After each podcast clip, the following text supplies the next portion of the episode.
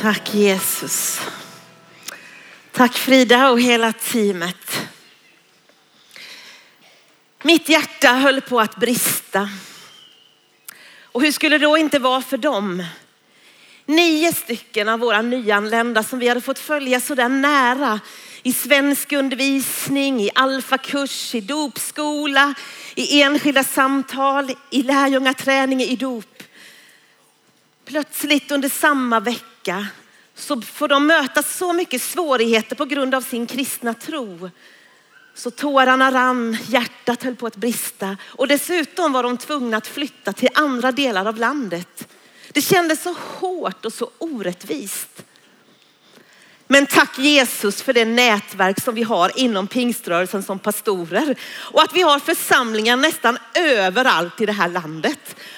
Och när man då ringer till sina kollegor, vädjar för sina bröder och systrar, då är de där.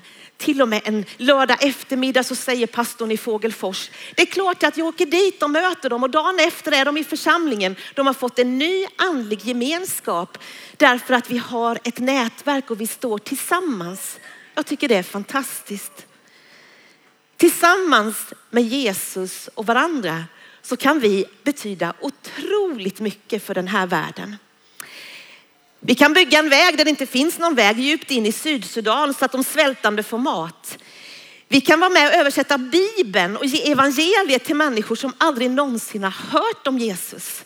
Vi kan möta analfabeter och lära dem att skriva och läsa och ge dem en framtid och ett hopp i vårt land eller någon annanstans i världen. Vi kan vara med och bryta den här ensamheten och isoleringen som finns bland äldre och erbjuda gemenskap. Vi kan göra någonting åt den psykiska ohälsan. Ja, det finns inga gränser för vad vi kan göra när vi står tillsammans med Jesus och med varandra. Enhet är en otroligt stark maktfaktor i den andliga världen, men också i den här världen. Tillsammans så kan vi vara med och göra den här världen till en bättre plats, till en varmare plats. Och vi kan vara med och ge hopp in i evigheten. Ensamhet, ensam är inte stark, men tillsammans är vi starka. Jag är tacksam att jag får stå här på Nyhem i år igen och dela Guds ord med er. Och temat är enhet för den här världens skull. Och det här ämnet har så många perspektiv, det har så många dimensioner. Men jag tror att det är så här att den heliga ande vill kärlek och enhet i alla våra olika relationer. Om det så handlar om äktenskap, familj, om det handlar om den lokala församlingen där du finns så har Herren tänkt enhet och kärlek. Också församlingar emellan. Det kan handla om pingströrelsen som vi är en del av, men också våra systerkyrkor ute över världen. Det kan handla om kristenheten i Sverige, kristenheten i världen. Men också den förföljda kyrkan som finns ute över världen och som kommer allt närmare oss. Det handlar om unga och äldre. Det handlar om olika kulturer, olika sociala skillnader. Det är så mycket som innefattas i det här ämnet och jag har inte kunnat välja ett perspektiv utan jag tror att den helige ande kommer att tala in i ditt liv precis på det området där du behöver höra Guds röst idag. Och jag måste säga att jag kämpar med de här frågorna i mitt eget liv, i mitt eget sammanhang där jag finns. Och sedan några år tillbaka så har jag gjort den här bönen om enhet faktiskt till en av mina dagliga böner. Bönen om enhet i äktenskapet, i familjen, i församlingen, men också församlingar emellan. Några saker innan vi går in i dagens bibeltext. Vi är skapade för enhet. Hela treenigheten var involverad i skapelsen. Gud sa, låt oss göra människor till vår avbild, lika oss. Alltså den enhet och den gemenskap som pågår mellan Fadern, Son och helig ande är vi inbjudna att vara en del av. Enhet är ett kännetecken på Guds folk, både gamla och nya testamentet. Men det är synden som splittrar. En kil slogs in mellan människan och Gud, men också mellan människor när synden kom in i världen. Diaboles på grekiska. Djävulen, det ordet kan översättas med den som sliter isär, den som kastar isär, baktalar, anklagar, förtalar. Guds rike kännetecknas av kärlek och enhet. Men i djävulens rike så är det splittring och uppror som kännetecknar. Det finns väl inget mer smärtsamt än när en församling som skulle vara Herrens kropp och uttrycka kärlek för den här världens skull lider brist på förtroende, förtal och uppdelning i olika läger. Vad händer då? Jo, Kristi kropp förlamas och kan inte utföra det som är vårt uppdrag. Men Jesus kom för att hela och upprätta. Och i Efesierbrevet säger att han är vår fred. Han som med sitt liv på jorden gjorde de två lägren till ett och har rivit skiljemuren, fiendskapen. De goda nyheterna, kära vänner, är att enhet är möjligt för att Jesus har öppnat den vägen. Och eh, varför skulle Jesus annars be om någonting som är omöjligt? Nu ska vi läsa Jesu bön som han ber i Johannes det 17 kapitlet. Vi läser valda verser 9 till 11, vers 15, vers 20 till 23. Och den text som vi nu ska läsa, det är en bön som Jesus ber alldeles innan han skulle gå och korsfästas. Det är en översteprästlig förbön. Översteprästen hade som uppdrag att undervisa, att offra, att be. Jesus hade undervisat i sitt avskedstal. Han stod inför att offra sig själv och nu bad han.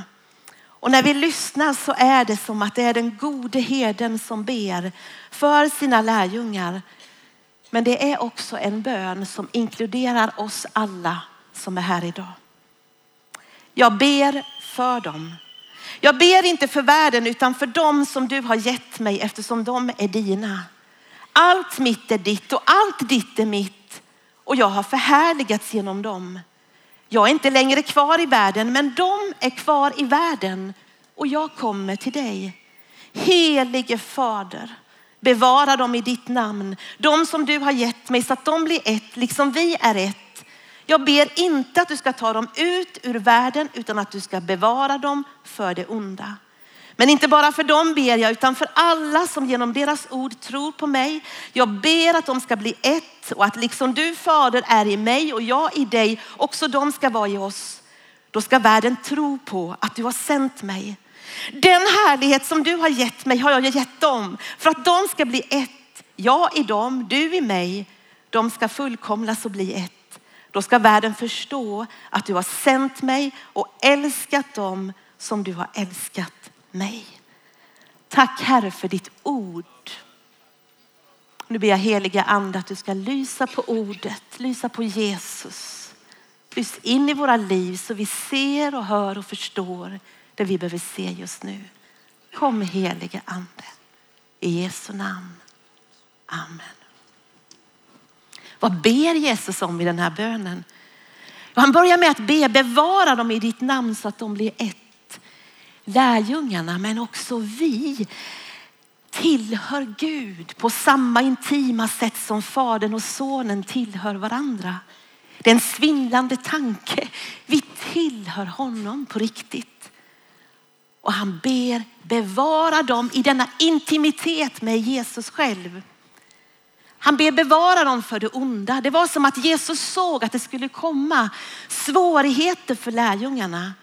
Han lär ju dem i bönen också, Fader vår, att vi ska be om beskydd för det onda. För det som vill dra isär, splittra, få oss att fokusera någonting annat än Jesus Kristus och det som vi är här för. Han ber att vi ska bli ett, som Fader, Son och helig ande är ett. Och när Jesus ber så inkluderar han inte bara lärjungarna där och då, utan alla som genom deras ord kommer till tro på mig. Så den här bönen den har ljudit i alla generationer och den inkluderar dig och mig som finns här idag. Tänk att Jesus själv har bett för de splittrade förhållanden som vi står i idag. Han har bett om enhet in i din familj, in i ditt äktenskap. Han har bett om enhet in i den församling, i det sammanhang där du och jag står. Enhet är möjligt därför att Jesus har bett om det. Det finns nog inget vackrare än när människor från olika sammanhang och kulturer, olika åldrar möts tillsammans och har ett gemensamt uppdrag att ära Gud och att tjäna honom. Ja, det är en välsignelse som följer med detta. Psalm 133 uttrycker det så vackert. Se hur gott det är. Ljuvligt det är när bröder bor endräktigt tillsammans. Det är som när den dyrbara oljan på huvudet rinner ner i skägget i Arons skägg och ner över kragen på hans dräkt. Det är som Hermons dag som faller ner på Sions berg. Ty, det Herrens befall, ty där ger Herren befallning om välsignelse, om liv till evig tid. Andens smörjelse. Jag vet inte ni som har skägg om ni längtar efter den här oljan. Amen säger Daniel. En bild på andens smörjelse ner i Arons skägg. En bild på anden, översteprästen, smordes med olja. Jesus är vår överstepräst. Vi är smorda med andens olja och den andens oljan, den finns där vi står enade tillsammans. Vad är då enhet? Det handlar inte om organisation eller att vi alla ska bli likadana eller att alla gränser ska suddas ut. Att vi alla ska ha samma åsikt. Nej, enhet, den enhet som Jesus bad om, den är mycket djupare än så. Det handlar inte om kultur, teologi, ämbetssyn. Det handlar inte om gudstjänstformer, utan det är bara en enhet som Jesus Kristus kan skapa genom försoningen. Det handlar bara om att vi kan vara förenade i Jesus Kristus. När Herren har fått vidröra oss på djupet, när vi har fått böja knä vid Jesu kors, ta emot av hans nåd och förlåtelse, ta emot av hans kärlek in i våra liv, då föds en kärlek som vi inte kan ta oss själva. Vi älskar för att han först har älskat oss. Enhet är någon slags försonad mångfald. Där vi är olika, där vi ser olika ut och vi möts i respekt för varandras olikheter. Vi tror inte att en har allt utan att det är tillsammans som vi bildar en helhet. Där finns enheten. Varför är det så viktigt med enhet? Varför är det så viktigt att vi möter varandra från olika sammanhang? Efesierbrevet 3 säger så här att enhet är viktigt för att vi ska lära känna vem Jesus är. Det står att vi behöver stå fasta och vara stadigt rotade i honom så att vi tillsammans med alla de heliga kan förmå fatta bredden, längden, höjden, djupet och lära känna Kristi kärlek som är väldigare än alls kunskap till hela Guds eh, fullhet uppfyller er. Tillsammans med kristna från olika sammanhang, från olika länder, från olika kulturer så är det som att bilden av vem Jesus kärlek är, den breddas, den fördjupas. Jag är en del av Pingstkyrkan i Jönköping och jag har varit det under många år. Och jag är en del av pingströrelsen och jag är så otroligt tacksam för mitt sammanhang. Jag älskar min församling. Jag älskar den här rörelsen, att få vara en del av den. Och samtidigt är jag så glad att jag får ha syskon i andra kyrkofamiljer, i andra sammanhang och det fördjupar mig, det, det berikar mitt liv. Och som pingströrelse så har vi dialog med alla olika kyrkofamiljer. Vi vet och vi tror att vi har någonting att lära av varandra. Richard Foster har skrivit en bok, den har några år på nacken men den heter Strömmar av levande vatten. Och där uttrycker han det så här, idag håller vår Herre på att föra oss samman. Många strömfåror som har varit skilda åt. Det påminner om när en bred flod får ökad kraft och volym genom att bifloderna förenas till en. I vår tid håller Gud på att sammanföra andens mäktiga verk. Så, så lyfter han fram olika aspekter på detta där vi lär av varandra. Den kontemplativa traditionen, helgelsetraditionen, den karismatiska traditionen, sociala traditionen, den evangelikala, den sakramentala. Vi ser att vi har någonting att lära av varandra och berikas av varandra för att få en större, djupare bild av vem Gud är och hur stor Guds kärlek är. När Jesus ber sin bön så ber han Att vi ska vara ett för att världen ska förstå att Gud har sänt Jesus Kristus. Då ska världen förstå att du har sänt mig. Då ska världen tro att du har sänt mig. Johannes 13 och 35 säger alla ska förstå att ni är mina lärjungar om ni visar varandra kärlek. Du vet att det här är helt omöjligt i oss själva. Du vet, vi kan inte skapa en enhet. Vi kan inte skapa detta bland alla dessa olika människor och åldrar och kulturer som vi är. Det kan bara ske i Jesus och det är därför tecknet blir så starkt. Då ska alla förstå det viktigaste av allt. Att Jesus är mycket mer än en profet. Han är Guds egen son. Tecknet bli så starkt.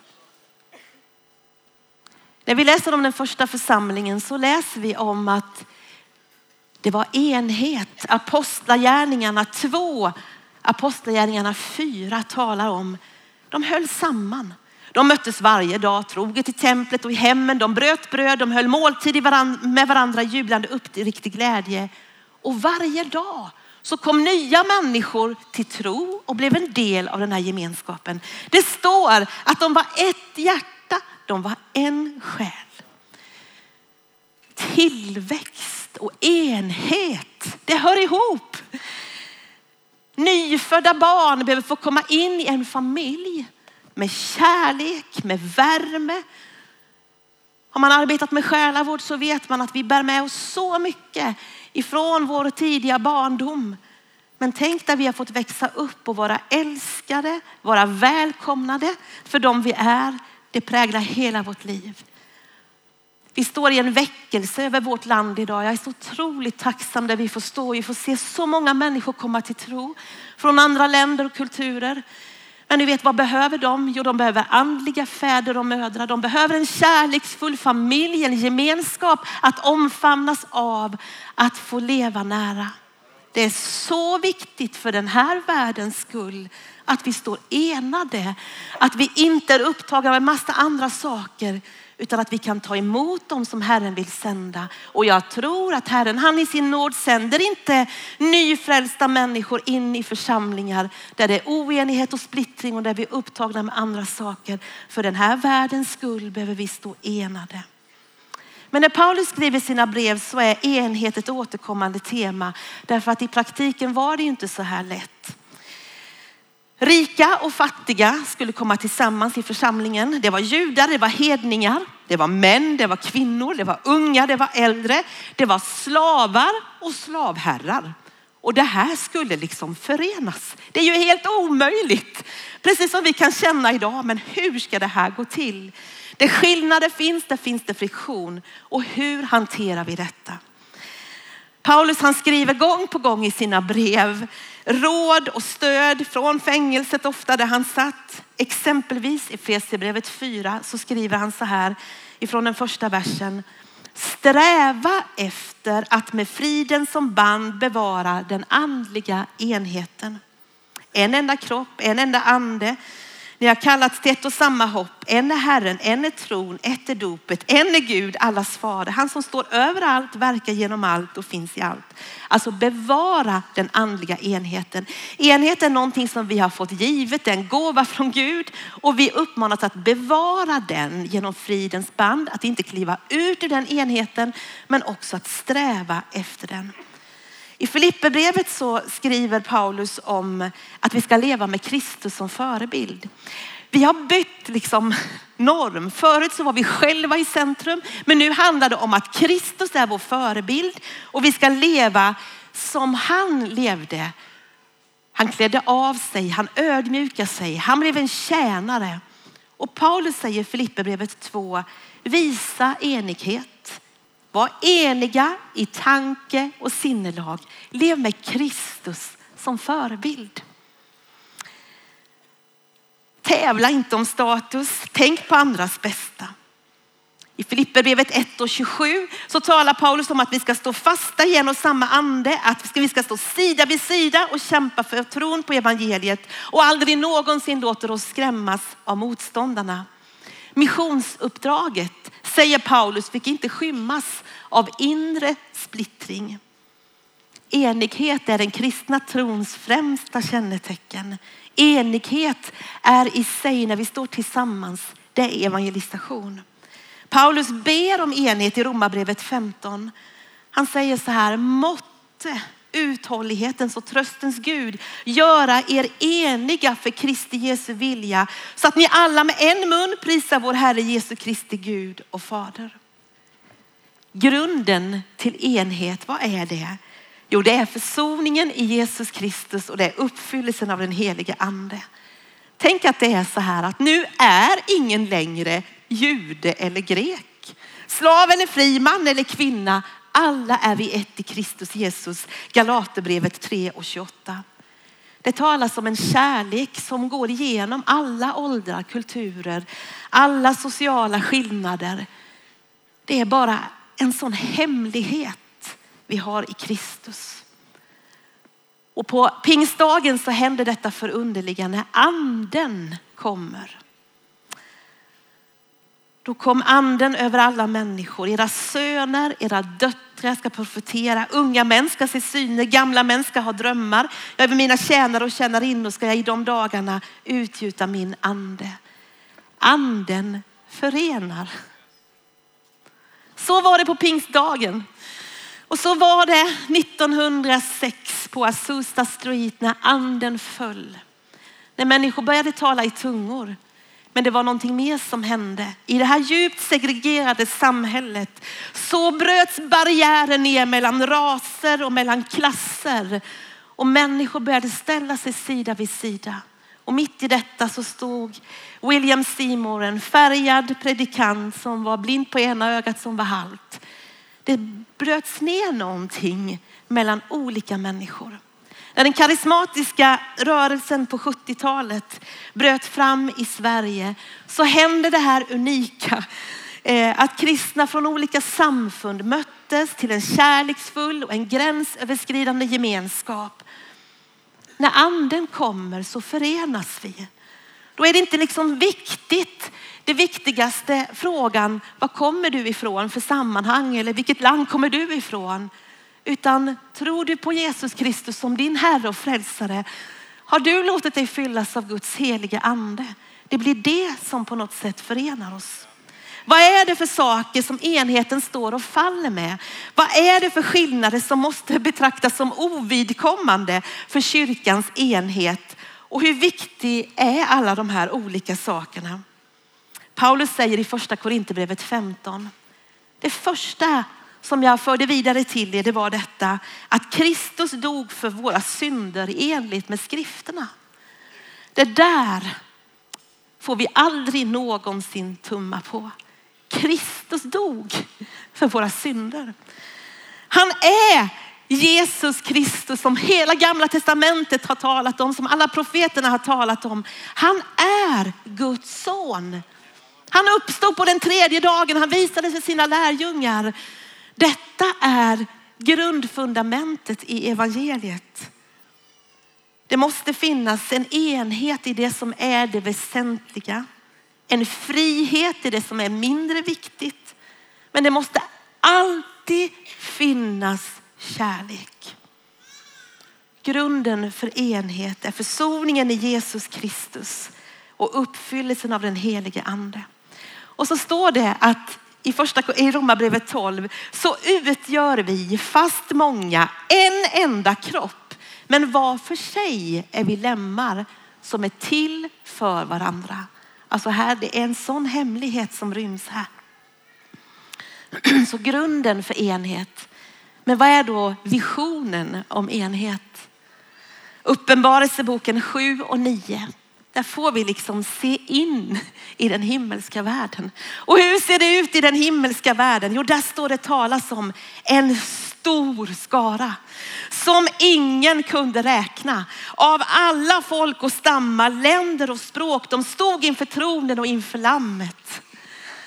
Ser du denna bild av alla dessa människor inför tronen, inför lammet? Där finns inga särskilda rum för afghaner eller iranier eller syrier eller svenskar eller katoliker eller svenskkyrkliga eller de äldre är där och de yngre är där. Nej, men vi står tillsammans. Det är visionen om eh, det är visionen ifrån Bibeln. Och det är det vi strävar mot på något sätt för den här världens skull. För att den här världen ska se vem Jesus är så står vi tillsammans. Vägen till enhet. Det finns ingen annan väg än försoningen i Jesus Kristus, än uppfyllelsen av den helige ande. Men där är vägen. Det finns inga fullkomliga människor, det finns ingen fullkomlig församling. Vi kan leta, vi kan hoppa hit och dit, men vi kommer ändå att behöva arbeta med de här frågorna. För vi kommer inte här på den här jorden att se detta fullkomnat, men vi kan få en försmak. Och när vi har fått den här försmaken så känner vi att vi vill sträva efter den, vi vill be om den, vi vill stå tillsammans för den här världens skull. Dietrich Bonhoeffer har sagt så här, den som älskar sin dröm om församlingen mer än själva gemenskapen som den är kommer till slut att ödelägga den. Jag möter dem då och då. De som har en dröm om församlingen som är så stor. Verkligheten är här och de kan inte få ihop det här. De kan inte vara med här därför att drömmen är här och man tycker att jag själv är lite bättre och vi kommer aldrig att komma dit så det är, jag går ur församlingen. Jag behöver ingen församling för vi kommer aldrig ändå dit. Men så möter jag dem varje vecka. Människor som har varit med länge, som är pelare i församlingen. De har gråtit och våndats många gånger över saker och ting som inte har varit som det ska. Men de står kvar i församlingen. De är med i med och motgång. De ber och välsignar, de förmanar, de säger sanningen i kärlek, de talar tro. De älskar församlingen som den är i all dess brist och de tror att församlingen har ett uppdrag för världen och därför är de kvar.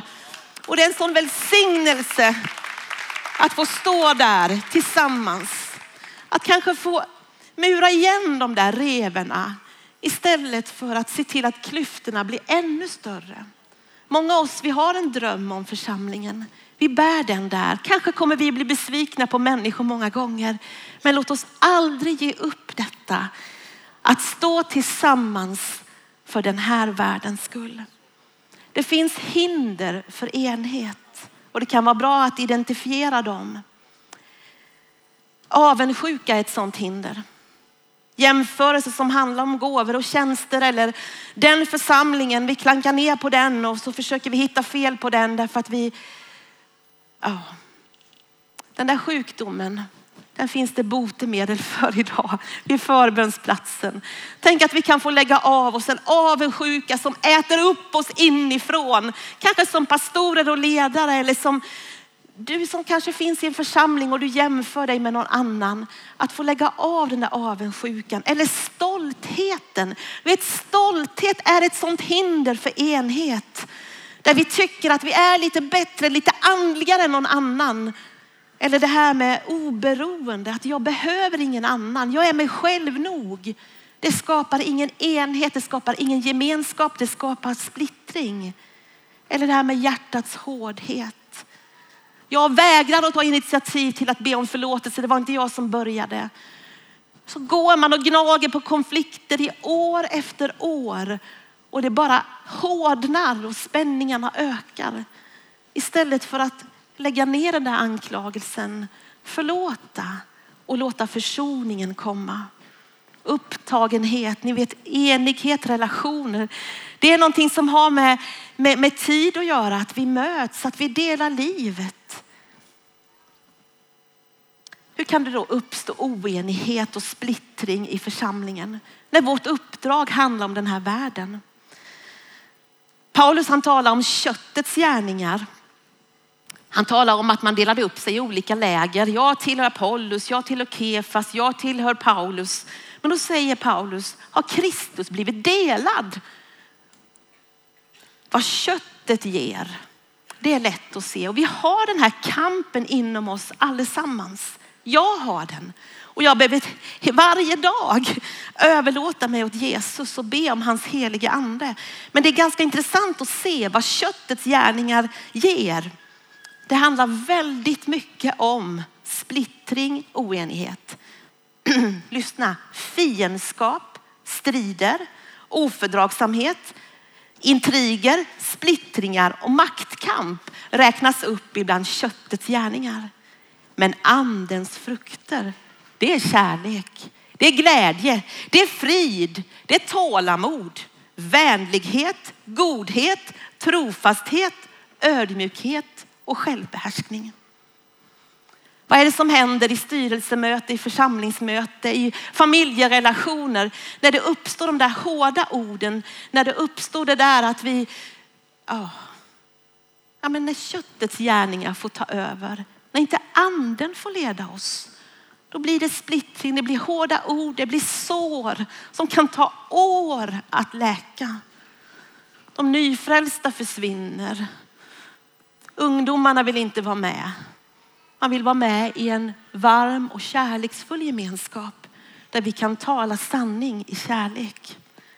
Vägen till enhet. Jag tror att det handlar om att byta kläder. Vi behöver byta kläder. Vi behöver se till att vi tar av oss den gamla människan och att vi tar på oss den nya människan, Jesus Kristus. Att vi lever med Jesus som förebild. Att vi låter anden få fylla oss. Det står i Apostlagärningarna 1.8, men när den heliga ande kommer över er så ska ni få kraft och bli mina vittnen. Ofta kanske vi tänker på att vittna med vår mun. Men jag tror att den helige ande vill ge oss kraft att vittna med våra liv, med våra relationer, med våra äktenskap, våra familjer, våra församlingar. Den helige ande vill komma och ge dig och din lokala församling kraft att vittna mellan församlingarna på orten, systerkyrkorna i världen. Genom anden så händer detta förunderliga att vi som av naturliga skäl inte har så mycket gemensamt, vi förenas i anden. Första Korinthierbrevet 12 har hjälpt mig så många gånger att försöka se på mig själv och se på andra eh, ur ett perspektiv, ett Gudsrikets perspektiv. Det talas om kroppen. Och vi är ju kallade att vara delar i Kristi kropp för den här världens skull. Och där står det ju, se inte ner på dig själv. Det är ju det som står egentligen i första Korinthierbrevet 12 och 14, att kroppen består inte av en enda del utan av många. Om foten säger, jag har ingen hand, jag hör inte till kroppen, så hör den lika fullt till kroppen. Dopskolan var över och vi satt i enskilda samtal med dopkandidaterna. De var från olika länder. Vi satt med en afghansk kille och så säger han så här. Menar ni på fullt allvar att jag ska få döpas i samma vatten som iranierna? År av förtryck från iranier hade gjort att han kände, är det verkligen möjligt att jag ska få döpas i samma vatten? Min medarbetare som är från Iran grät och än en gång fick jag höra honom be om förlåtelse för vad det iranska folket har gjort med afghanerna. Men du vet i Kristus, där förenas vi. Låt ingen se ner på dig varifrån du kommer. Om du har hög utbildning eller låg utbildning eller om du är gammal eller ung. Låt ingen se ner på dig. Vi har olika gåvor. Pelle Hörnmark som talade här på Nyhemsveckan i måndags. När han kom som föreståndare till Jönköping så fanns jag där. Han frågade mig många gånger och sa Katrin, jag vill att du ska predika. Och varje gång så svarar jag nej. Vi hade massor av bra skäl. Andra predikar så mycket bättre. Jag hade ingenting att säga och äh, det var så många saker. En dag så ringer han och säger, jag vill att du predikar om tre veckor. Och jag sa nej. Och då sa han så här, nu får du bestämma dig hur du ska ha det. Ska du gräva ner din gåva eller ska du göra något av den? Nu böjer du dina knän, ber till Gud. Jag ringer tillbaka om tre dagar, då vill jag ha ett besked. Och där är det Katrin Karlsson som böjer sina knän ska jag säga. Jag hade aldrig sett på mitt liv som att jag hade en gåva och att jag hade ett ansvar för att förvalta den gåvan. Jag såg ner på mig själv, jag vet inte vad det var, falsk ödmjukhet eller vad det var.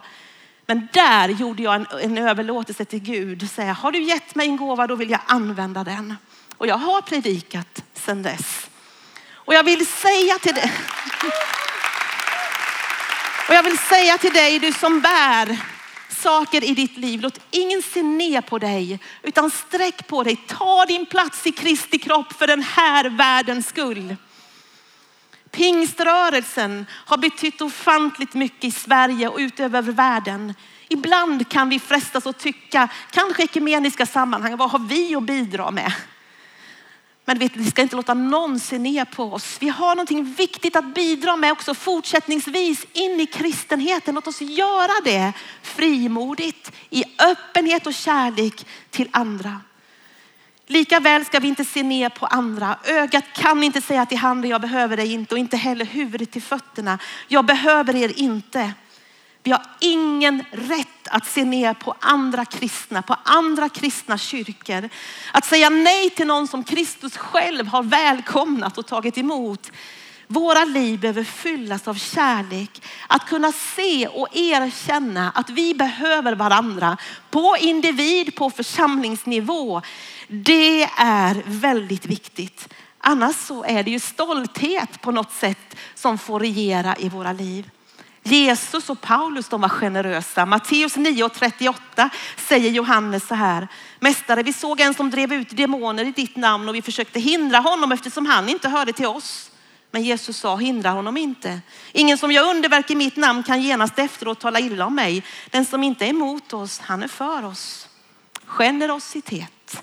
Paulus han säger när de kom till honom och det var olika förkunnare som förkunnade falska eller hederliga syften. I vilket fall som helst så blir Kristus förkunnad och det gläder jag mig över, säger Paulus. Generositet. Förvänta dig inte alla, att alla ska vara som du. Vi har olika uttryckssätt. Man kan be högt och ljudligt, man kan be tyst och lågmält. Vi kan sjunga olika sorters sånger, men vad ska vår inställning till varandra vara? Jo, vi ska vara ödmjuka, vi ska vara tacksamma, vi ska vara generösa, vi ska vara tjänande, vi ska leva i en öppenhet mot varandra. Bära varandras bördor. Det är då vi uppfyller Kristi lag. Kanske är det någon i din närhet just nu som går igenom någonting svårt. Tänk när du får vara där och bära. Det har stor betydelse för den här världens skull att vi finns till för varandra också som individer men också som församlingar. Att vi gläder oss med dem som gläder sig, att vi gråter med dem som gråter. Tänk att få glädjas över en annan kyrka som döper många människor. Även om vi själv kanske just nu inte står där, men att få se att vi tillhör samma kropp. Att om en kroppsdel lider så lider också alla de andra. Om en blir ärad så, så blir de andra ärade. Lider vi med varandra? På mitt hjärta ligger nu också, för man lever så nära detta med den förföljda kyrkan ut över världen. Står vi med människor som får lida för sin tro på Jesus Kristus? När vi sitter, vi kan göra allt. Vi har inga restriktioner på det sättet i vårt land. Men det är massor av människor som får betala ett högt pris för sin tro. Står vi med dem, uppmuntrar vi dem, ber vi för dem. Också alla de som finns i vårt eget land som hotas att skickas tillbaka till ett land där man kanske får ge sitt liv för sin tro. Stå med dem som lider, lid med dem som lider, gläd er med dem som gläder sig. Vad kan vi göra för att bidra till den här enheten för den här världens skull som Jesus talar om? Vi kan be om enhet precis som Jesus bad. Vi kan bli en del av den bönen. Kanske innan vi säger allt det där som vi har tänkt säga, att det skulle börja med en bön inför Herren. Be för våra fiender säger ju till och med Jesus. Be för dem som förföljer er. Att be för dem som vi har svårt med. Gud kallar oss inte att döma varandra utan att be för varandra. Det kan finnas behov av syndabekännelse och omvändelse. Kanske finns den här stoltheten som har gjort att du har ställt dig utanför. Du har skapat kanske någonting som du inte hade önskat i din familj eller din församling. Men du vet, det finns nåd, det finns upprättelse. Om du kommer i ärlighet och ber om förlåtelse så kan Gud förlåta dig. Och du som har skapat en splittring, du kan få bli den som, som drar igen det där. Du kan få bli någon som bygger upp istället för att vara med och skapa oenighet. Så låt oss be om förlåtelse, men låt oss också förlåta dem som har gjort oss illa förlåta och ta emot förlåtelse. Att sträva efter försoning så långt det på oss ankommer. Att lägga ner våra jämförelser, det är ju så tokigt. Därför att Gud har ju skapat oss till individer och varje församling är unik. Och därför skulle inte det här med jämförelse överhuvudtaget finnas. Tänk om vi skulle lägga ner våra jämförelser vid Jesu Kristi kors. Och bara inta den plats i kroppen som han har kallat oss att inta för den här världens skull. Att låta oss uppfyllas av den heliga ande. Anden den blåser vart den vill. Vi hör, men vi vet inte varifrån den kommer eller vart den far. Så är det med var och en som är fylld av anden. Att anden får fylla oss och verka den här enheten. Då kanske vi ser människor på arbetsplatsen som du inte har sett. Som du skulle kunna samlas och be tillsammans med för er arbetsplats, för er skola. Du kan få upp ögonen för någonting som du inte har sett för den här världens skull. Låt oss verka för enhet. Tala gott om andra kyrkor och andra kristna. För en vecka sedan så var vi på studiebesök i Göteborg med vårt team från Jönköping och vi kom till Hillsong och vi kom till Smyna.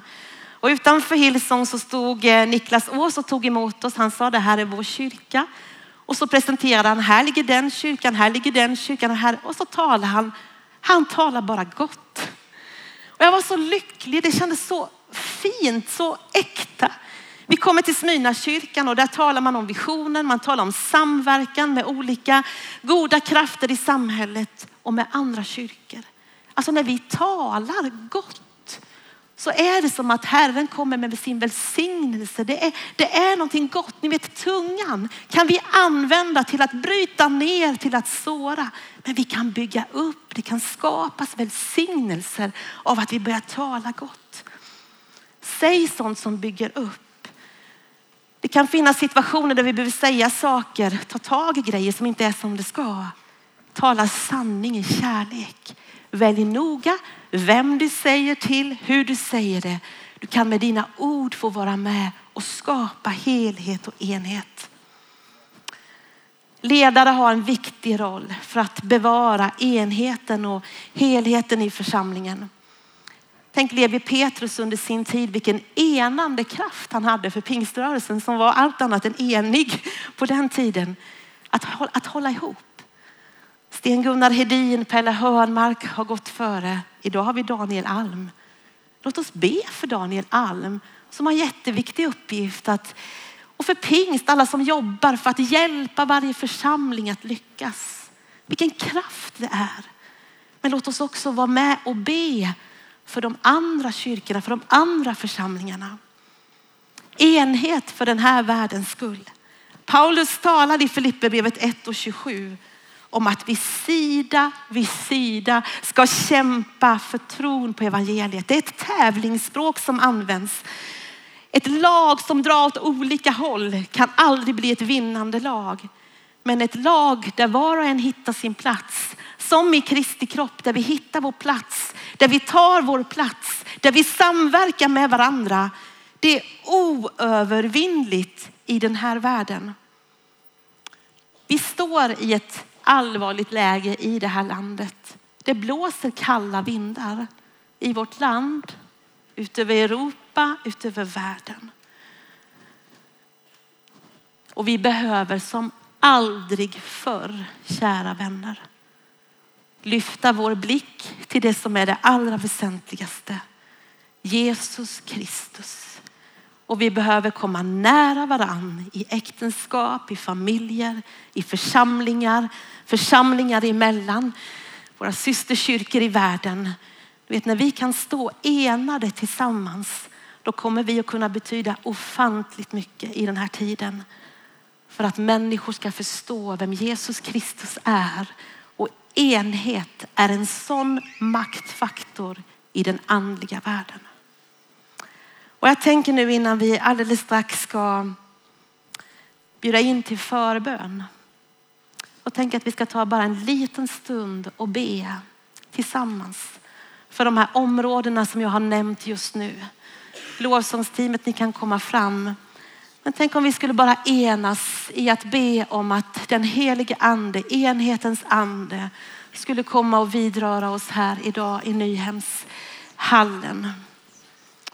In i våra äktenskap, in i våra församlingar. Och jag är övertygad om att du finns här som sitter just nu i en splittrad, trasig situation. Och du vet inte hur du ska vända dig. Men du vet, Gud vet. Han vill komma med sin helhet, sin ande. Och jag tänker idag att vi också ska innesluta våra systerkyrkor, både i Sverige och ut över världen i vår förbön. När Jesus har bett oss att välsigna dem som förföljer oss, be för våra fiender, så kan vi åtminstone be för våra systerkyrkor i vårt land och ut över världen. Låt oss be om välsignelse att vi tillsammans ska kunna stå och förkunna vem Jesus Kristus är. Ska vi resa på oss? Jesus, vi vill från Nyhemshallen den här dagen stämma in i den bönen som du själv bad om att vi ska vara ett för att världen ska tro på att du är sänd ifrån Gud. Vi vill be helige ande om det som är omöjligt för oss människor. Vi vill be om enhet. Vi vill be Herre om enhet i de äktenskap som finns representerade här idag Herre. In i familjer där det är trasigt och i släkter där det pågår kamp just nu så vill vi be Herre om tro på att enhet är möjligt. Och Herre, jag ber för lokala församlingar. Jag ber för pastorer och styrelser, församlingsledningar. Jag ber för medlemmar i olika lokala församlingar. Jag ber Herre, kom med en ande av enhet för den här världens skull. Jag ber att du låter oss få upp ögonen för andra församlingar på våra orter som vi kan samverka med. Herre, tack för att vi kan göra så mycket tillsammans Jesus. Jag tackar dig för vår pingströrelse Herre som har fått betyda så mycket genom åren. Och jag ber Herre att du ska hjälpa oss att stå sida vid sida in i den här tiden som är just nu. Jag ber för våra systerkyrkor utöver världen som vi har så mycket att lära av. Hjälp oss Herre att vi lär av varandra, att vi låter oss betjänas av varandra. Och vi ber om välsignelse över de som står i svåra situationer just nu. Herre jag vill be om välsignelse över våra våra kyrkor i Sverige, Herre, över våra olika kyrkofamiljer, Herre. Vi ber för Svenska kyrkan och vi ber för EFS och de lutherska kyrkorna, Herre. Vi ber, Herre, att ditt namn ska bli förkunnat frimodigt i de här kyrkorna, Herre. Och Jesus, vi ber för våra frikyrkor. Vi ber, Herre, för evangeliska frikyrkan. Vi tackar dig för Frälsningsarmén och för Ekumenia kyrkan. För Svenska alliansmissionen och Vingörd, Herre. Vi ber för trosrörelsen Herre. Vi ber för varje frikyrka. Vi tackar dig för att ditt namn ska bli förkunnat och känt. Och jag ber att vi ska hitta varandra i en ny strömfåra Herre, där vi kan stå sida vid sida. Herre, jag ber för katolska kyrkan och de ortodoxa och de österländska kyrkorna Herre.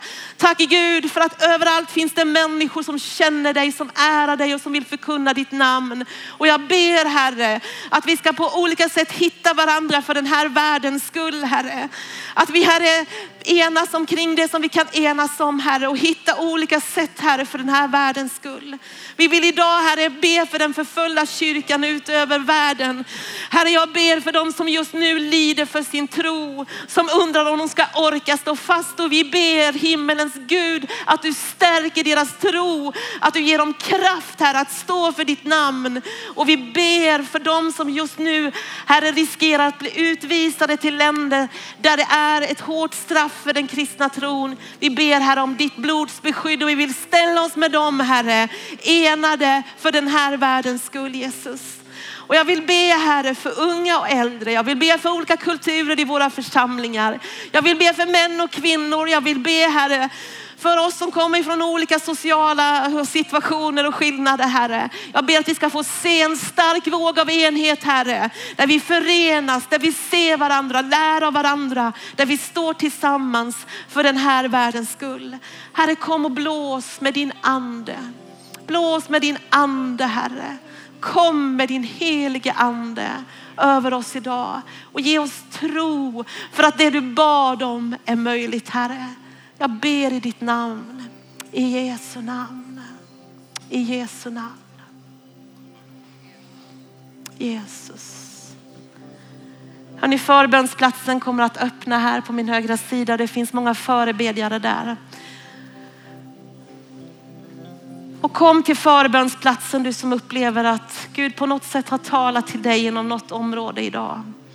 Om det så handlar om ditt eget liv, din familj, din församling eller något som Gud kallar dig till.